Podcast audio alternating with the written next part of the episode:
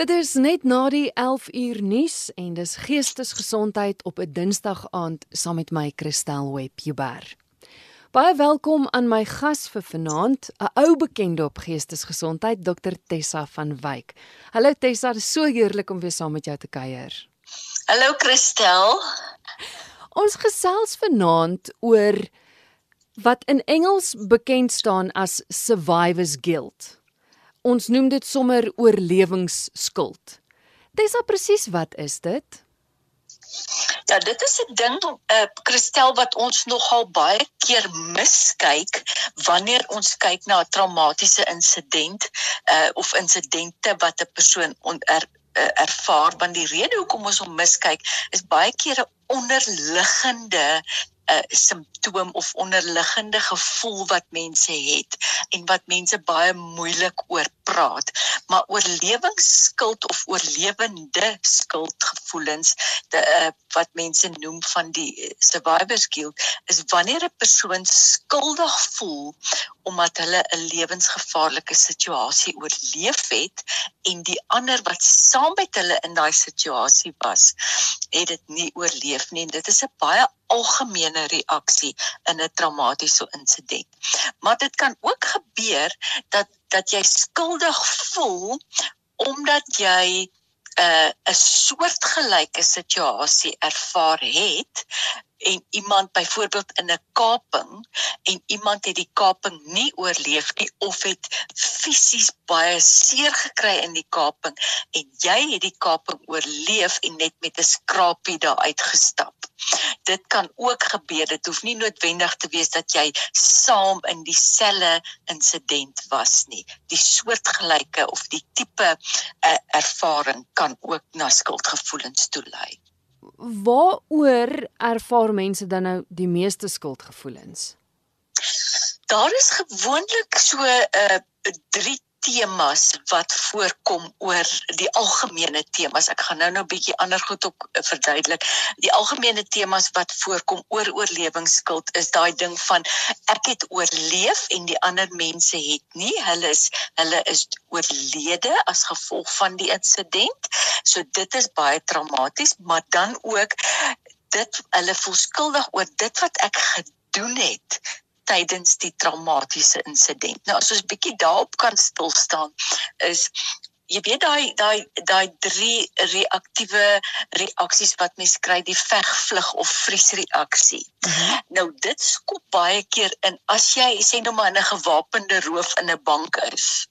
Dan sê nou maar jy het gevlug en jy het onder 'n tafel weggekruip en as gevolg daarvan het jy die situasie oorleef of jy het gevries en as gevolg daarvan is jy nie geskiet nie. En dan voel mense skuldig van dit wat ek gedoen het. Die ander ene tema is hulle voel skuldig oor dit wat hulle nie gedoen het nie. Byvoorbeeld ek kon uh, vinniger die ambulans gebel het op 'n motorongeluk of ek kon vinniger dit gedoen het of ek kon dalk net uh, uh, iemand se hand vasgehou het of iets anders te gedoen het en dan voel hulle ook verskriklik skuldig oor oor daardie ding. Dan wat natuurlik nou gebeur in die in die COVID-19 situasie met die pandemie is waar mense hulle werk verloor. Dan voel ek skuldig omdat ek nog steeds 'n inkomste het en voel ek skuldig omdat ek nog steeds 'n werk het en uh brood kan verdien en dan hoor jy al hierdie stories van mense wat hulle werke verloor het of mense wat dalk selfs oorlede is as gevolg van die van die uh COVID-19 wat hulle gekry het en dan het jy dit nog nie gekry nie. Dan kan daai skuldgevoelens ook inskop van o jene uh wat maak my nou so spesiaal dat ek dit nou nie gekry het nie. Maar 'n ander ding, ek het nogal vanoggend met 'n met 'n vrou gepraat wat uh, regtig baie deur trauma gaan, uh deur finansiële trauma gaan. Maar dan hoor sê sy vir my die volgende ek het 'n verhaal gehoor van 'n vriendin wat se trauma baie erger is wat swaar kry as gevolg van haar kinders wat op dwelms is en alles dan voel ek skuldig omdat ek kla omdat ek nie genoeg geld het nie, want haar trauma is baie erger. En dit kan ook geweldige gevolge hê want wat gaan gebeur is, Christel, jy onderdruk jou eie trauma en jou eie gevoelens en sê ag nee wat ek het nie rede om te kla nie wat dalk so is want daai ene sin is erger maar dit kan ook gevaarlik wees want ons kyk nie na ons eie pyn nie en ons onderdruk emosies wat éventueel dan weer verdere uh, goed kan veroorsaak in jou lewe.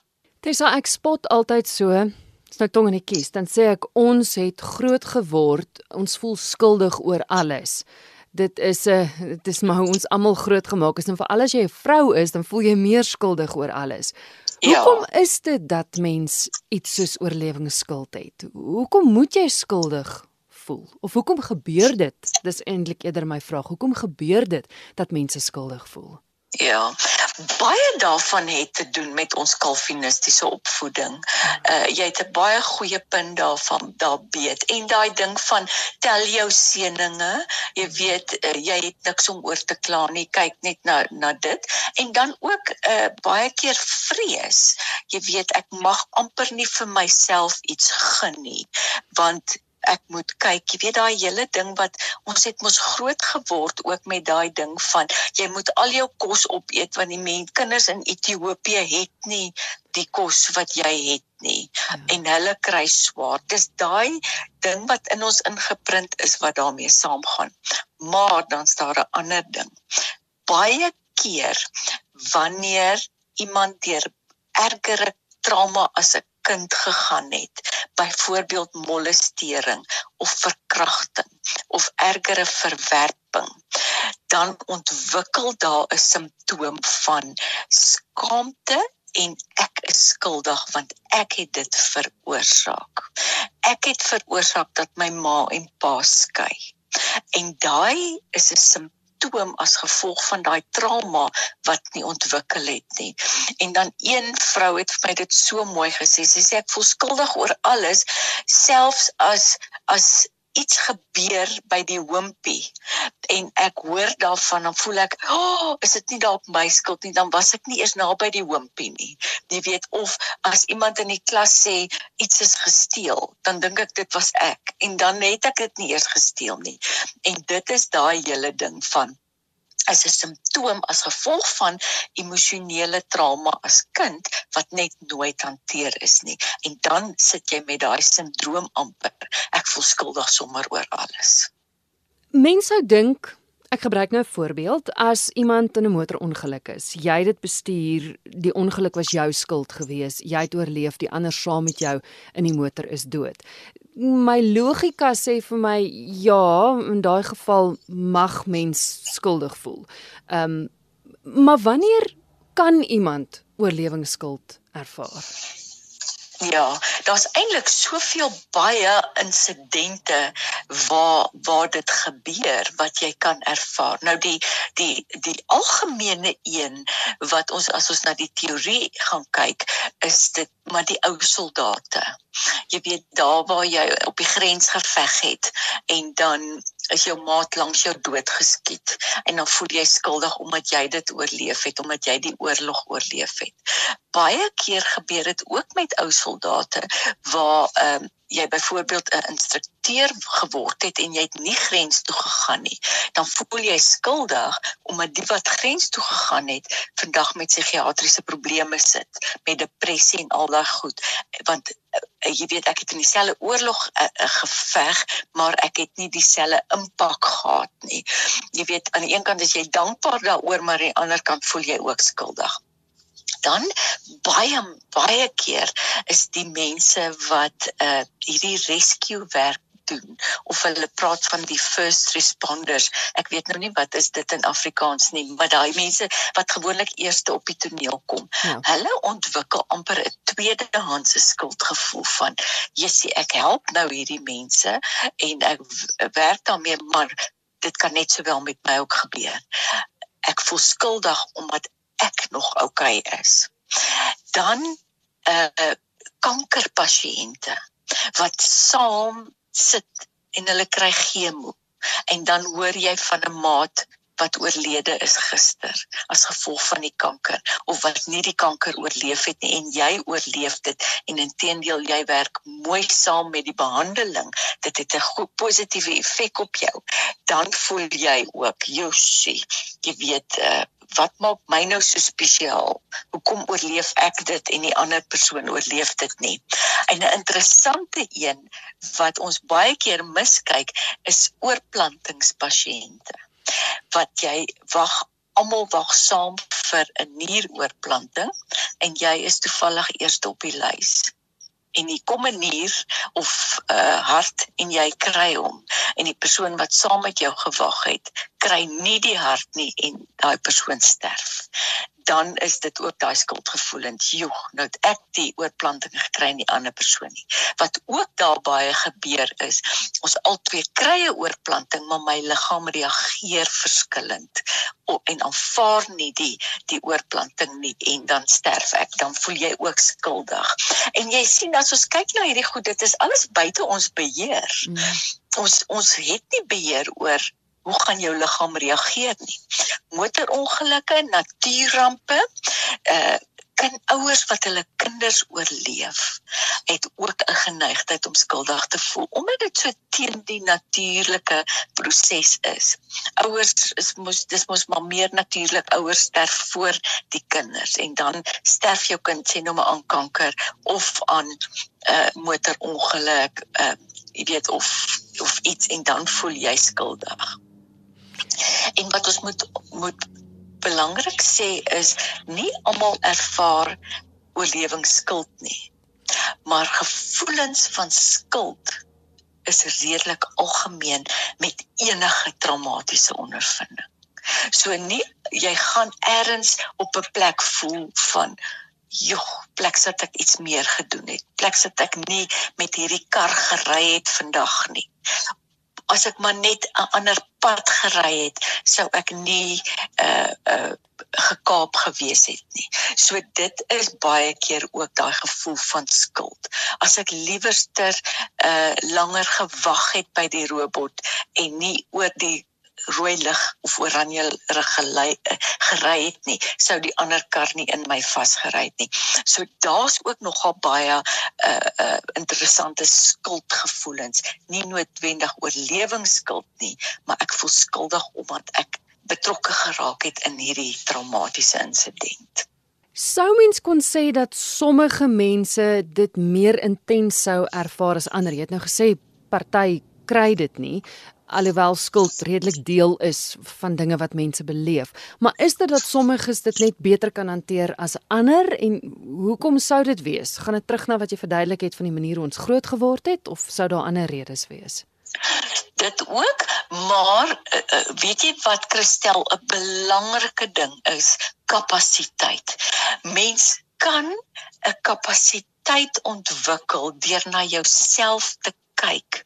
En wanneer jy byvoorbeeld geestelik sterk op 'n sterk plek is en jy belê geestelik in jouself, jy versorg jouself emosioneel, geestelik, met ander woorde en fisiek ook. Jy kyk na jou vorige traumas, na jou bagasie, jy deel daarmee, jy sorteer dit uit is jou kapasiteit sterker wanneer 'n trauma tref of wanneer 'n insident jou tref. En dan het ek gevind alhoewel jy dieselfde simptome het en dieselfde pyn ervaar is jou kapasiteit tog beter om deur dit te werk en dit makliker te hanteer.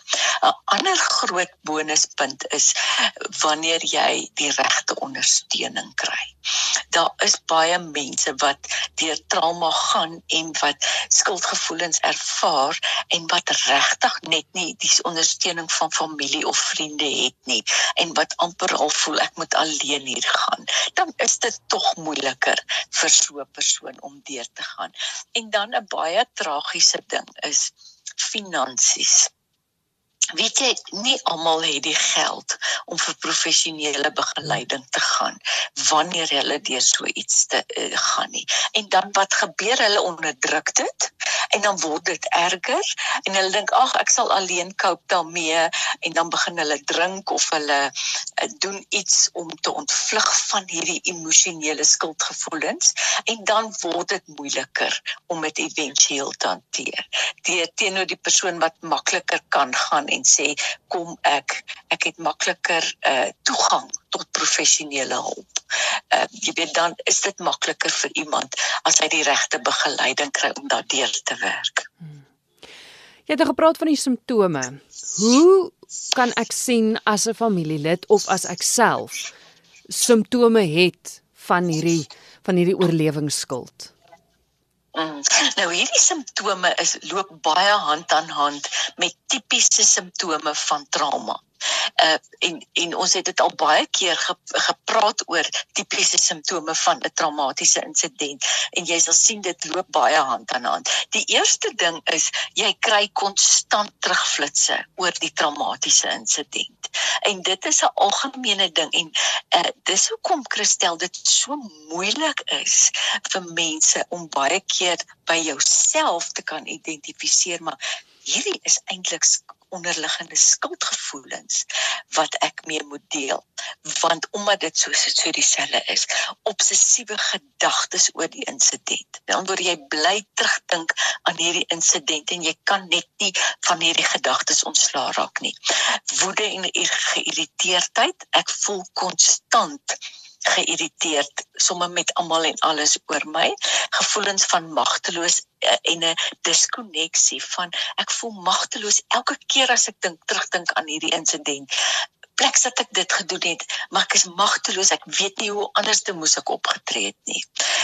Vrees en verwarring vrees dit gaan weer 'n keer gebeur en ek gaan weer nie weet hoe om op te tree nie of vrees van volgende keer is dit dalk my beurt volgende keer gaan ek nie so gelukkig wees nie. Hoofpynne, naarheid, dis nou die fisieke simptome, sosiale isolasie, jy begin totaal en al voel ek wil nie meer sosialiseer nie baie selfmoordgedagtes en 'n groot ding is jy begin die wêreld sien as onregverdig. Mens begin half 'n worstelstryd met God van hoekom het ek oorleef? Ehm um, jy weet en en dis interessant, mense sal baie keer sê van Jessie. Byvoorbeeld ons albei is met kanker gediagnoseer en jog maar ek het meer sonde as sy wat ek ken haar en sy was so 'n goeie mens en hier sterf sy en jy weet nou wat nou nou oorleef ek want ek moes eintlik gesterf het. En dan kom daai gevoelens baie sterk in. Ek wil tog ook net uh, uh, twee goed wat vir my dis nou in Engels twee goed wat vir my baie baie mooi dit saamgevat het wat mense gesê het oor hoe hulle voel. En die eerste ene is the problem with surviving was that you ended up with the ghost of everyone you'd ever left behind riding on your shoulders. En dit is nogal 'n baie mooi beskrywing. Dit is amper soos 'n soos 'n uh, spook wat jou die heeltyd volg. Dan 'n ander persoon het gesê, iemand het gesê you were one of the lucky ones. En volg dan en sê the doctor had told him not a fortnight ago, but you can't see it as luck.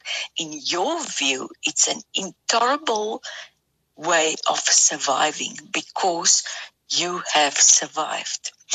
Jy begin om jouself te te met skuldgevoelens amper te hamer en jy voel jy moet dit aan jouself doen sodat jy kan beter voel. Dis amper 'n vorm van 'n punishment wat jy vir jouself gee van Jessie, dit was nie net luk nie, dit was 'n gevoel van wat maak my so spesiaal en daarom moet ek myself straf die hele tyd.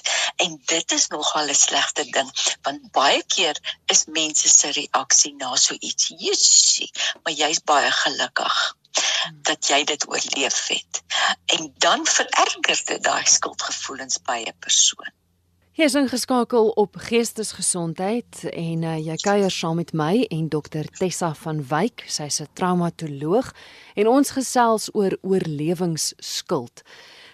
Nou Tessa, jo, dikwels doen ons dit wat ons voel aan onsself. Ek dink hierdie is 'n is 'n goeie voorbeeld dat ja, iets het met jou gebeur, maar dis ons denke wat ons eintlik half kniehalter jy het nou genoem ook van die simptome, jy dink oor en oor daaraan. Hoe kan mens dit stop? Is dit op die ouene net jouself wat jou kan help? Ja, jy moet en iemand anders te kan jou ook help deur jou die hele tyd herinner, stop dit nou, stop dit nou. Jy weet, moenie so daaroor dink jy verander jou perspektief.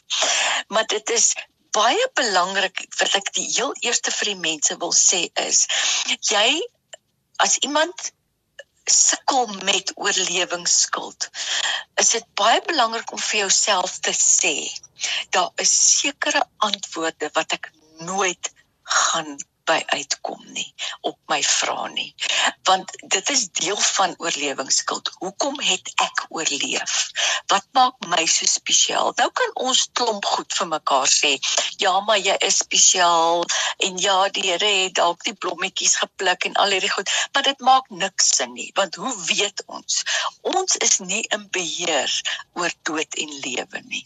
Ons is nie in beheer wat noodwendig gebeur ehm uh, tydens 'n traumatiese insident nie. Jy's ook nie regtig aan beheer van hoe jy gaan reageer nie. So jy weet nie. Nou wat gebeur? Jy hou aan hierdie vrae oor en oor en oor speel en jy begin vrees skep by jouself en jy begin angs skep by jouself. So stop dit en kom by 'n punt wat jy aanvaar. Ek gaan net nooit ooit weet hoekom ek gespaar is nie. Aanvaar dit net en gaan aan. Die volgende ding is baie belangrik om vir jouself te vra. Wie is werklik verantwoordelik vir hierdie situasie?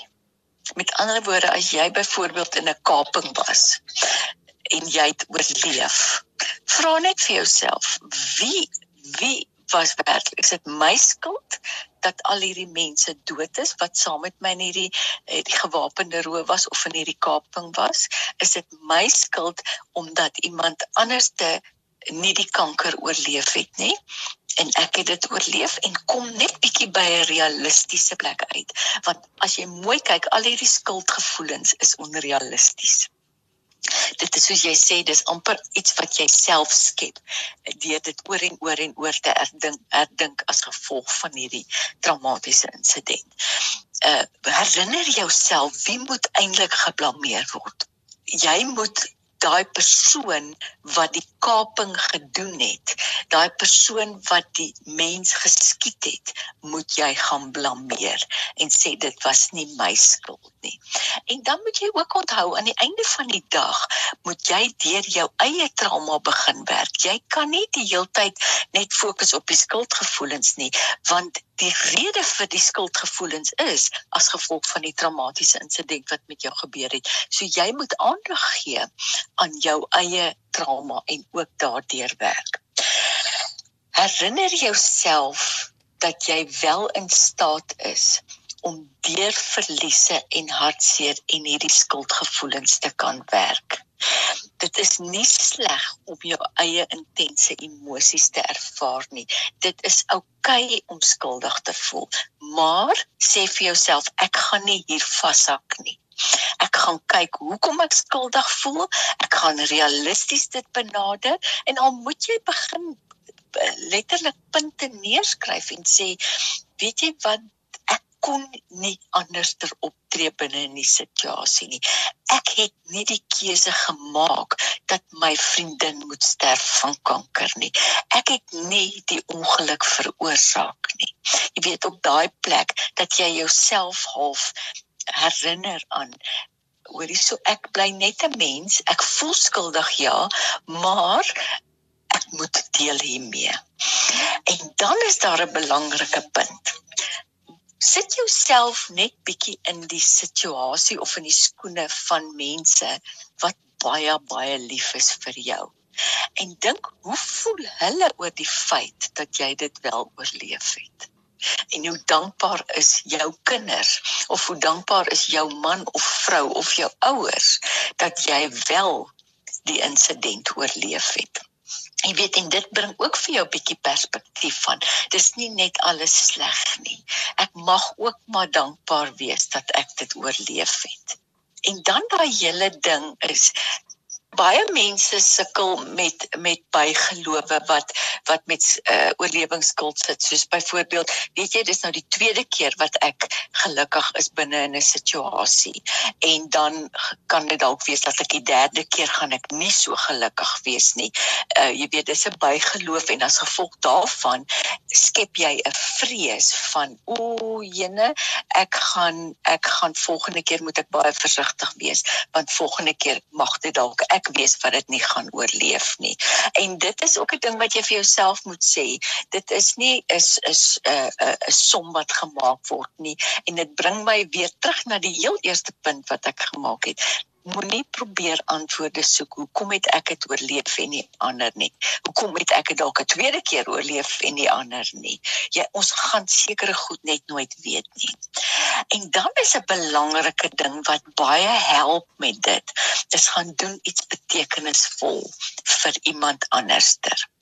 Nou baie keer is skuldgevoelens 'n lekker motiveerder om te sê okay ek het dit nou oorleef ek voel skuldig daaroor maar ek gaan dit juis gebruik om iets positiefs in die wêreld te doen en om werklik 'n verskil te gaan maak. Dit is amper 'n half 'n 'n 'n nuwe geboorte wat by jou pos uh, posvat van weet jy daar's 'n rede hoekom ek hierdie ding oorleef het en dit beteken ek moet iets gaan doen daarmee. Dit skep 'n nuwe gevoel van doel vir jou op aarde en dan gaan doen iets daarmee jy weet gaan doen iets betekenisvol. En dan 'n laaste ding is pas selfsorg toe. Kyk na jouself eet want baie keer wat mense doen hulle hulle val in hierdie ding in van ek het dit nou oorleef en ek voel verskriklik skuldig daaroor en dan beteken dit half ek moet nou ophou lewe. En dan nou hulle op eet en hulle versorg hulle self nie hulle oefen nie meer nie. En dit alles dra by tot jou tot, tot tot die vlak van jou genesing. Jy moet na jouself kyk eet, eet gesond, wees aktief, kry ondersteuning, deel met die trauma waarmee wat jy nou net oorleef het. En kyk na jou verhoudings. Kyk op 'n geestelike vlak, waar kan ek nog verder belê in my lewe dat jy half hierdie trauma wat jy oorleef het, gebruik as motivering om jouself verder na groei te toe te vat en jouself verder te ontwikkel en jou lewe bietjie beter te maak vir vir jouself. Tessa, ek wil gou vir 'n oomblik stil staan by die persoon wat moet ondersteun. Is daar sekere woorde, sinsnede waarvoor jy moet uitluister om te bepaal of 'n geliefde van jou wel die die oorlewingsskuld het? Ja, daar is nogal goed van uh, jy weet hulle sal dink van maar ek kan nie vir hulp gaan vra nie en ek kan nie ander mense se hulp aanvaar nie uh want daar's mense wat meer hulp as ek nodig het. Jy weet daai amper daai uh slagoffer mentaliteit van wie ek ek het dit oorleef, so ek moet so dankbaar wees dat ek nie nog nou iemand anders se se tyd kan gaan mors nie. Uh en dan ook gevoelens of of goed wat hulle dalk kan sê dat ek hou aan dink as ek maar net as ek maar net dit kon doen as ek maar net en as iemand vashak daarbey luister na dit jy weet dat hulle dat jy sê jessie maar maar hierdie ou sit met skuldgevoelens. Uh van wat ook baie keer sal sê nee jene man ek verdien nie dit nie want ander mense is baie meer braaf as ek. Ehm um, terwyl ek maar net onder die tafel weggekruip het. So ek verdien eintlik nie dat dit goed gaan met my nie. En dan is daar 'n baie baie belangrike ding.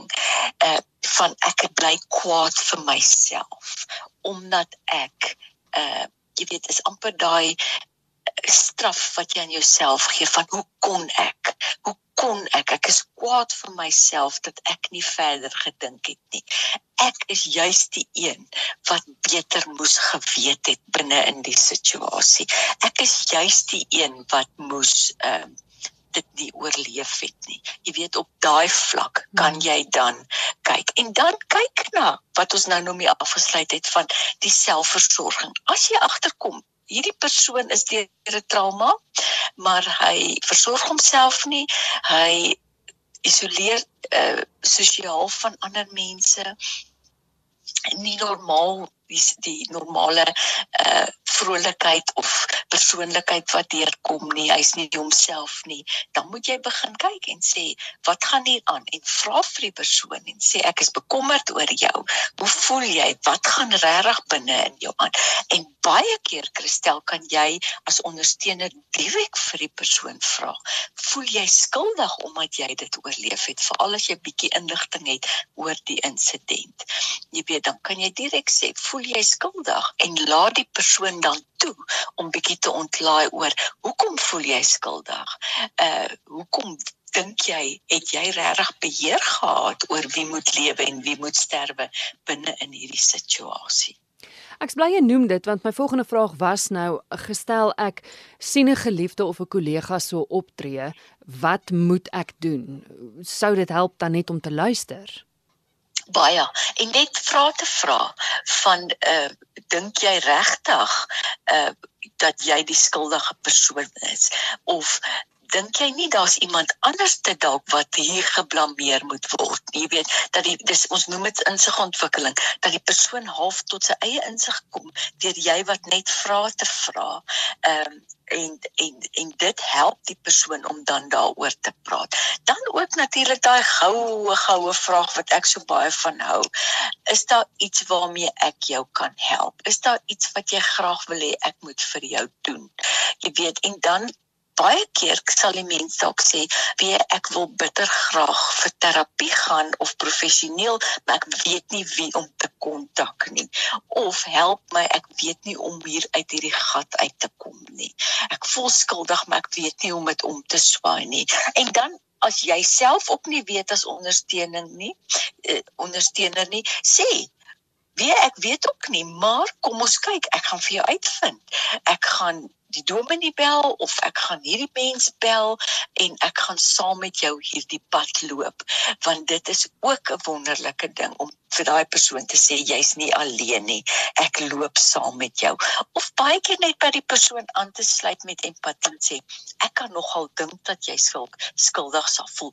Ek sou 10 teen 1 ook so gevoel het. Maar kom ons kyk is dit regtig realisties dat jy skuldig voel? Is dit regtig nodig vir jou om skuldig te voel oor oor dit wat gebeur het. Ek wil vreeslik graag praat hieroor want aan die begin het ek genoem die voorbeeld van die motorongeluk en dit is jou skuld. En hoekom ek daaroor wil praat is want ek dink dit is die verskriklikste van alle verskriklike is as dit jou skuld is. Want dis goed en wel ja. jy het nou gesê mens kan gaan en mooi dink en sê goed maar die kaping was nie my skuld nie. Dit was nie die feit dat my kollegas hulle werk verloor het as gevolg van die pandemie, dis nie my skuld nie. So dit maak dit makliker om dit te verwerk. Maar ja. selfs vir daai ou wat daar buite sit en wat met daai skuldgevoelens moet rondloop omdat hulle weet maar dit was my skuld. Hoe help ja. ons hulle? Want dit vreet 'n mens op.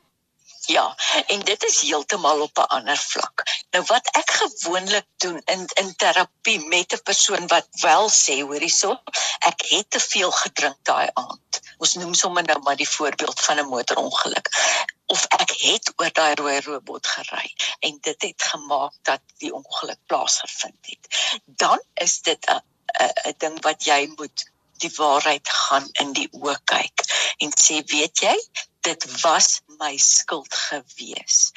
Ek het daai ongeluk veroorsaak want wat baie keer gebeur, Christel, die mense voel skuldig, maar met hulle mond en hulle woorde is hulle nog amper in 'n ontkenning van ek moet myself regverdig. Ek moet myself probeer uit hierdie ding uitpraat van ek is nie skuldig nie.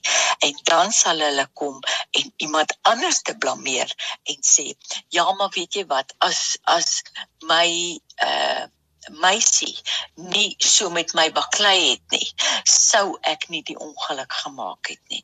Of as my vriende my nie gedwing het om hierdie drank te drink nie, sou dit nie gebeur het nie. Met ander woorde, jy voel skuldig, maar jy onderdruk daai skuldgevoel deur ander mense te blameer wat ook 'n tipiese ding is, want jy probeer jouself uh, verontskuldig en om beter te voel. En dan is dit juist daai ding. Nee, kyk hierdie waarheid in die oë en sê jy is skuldig en dan sê vir jouself ek het 'n fout gemaak en amper half vir 'n tydperk uh, en as ek sê 'n tydperk gaan jouself 'n uur om skuldig te voel en te sê hoe kon jy?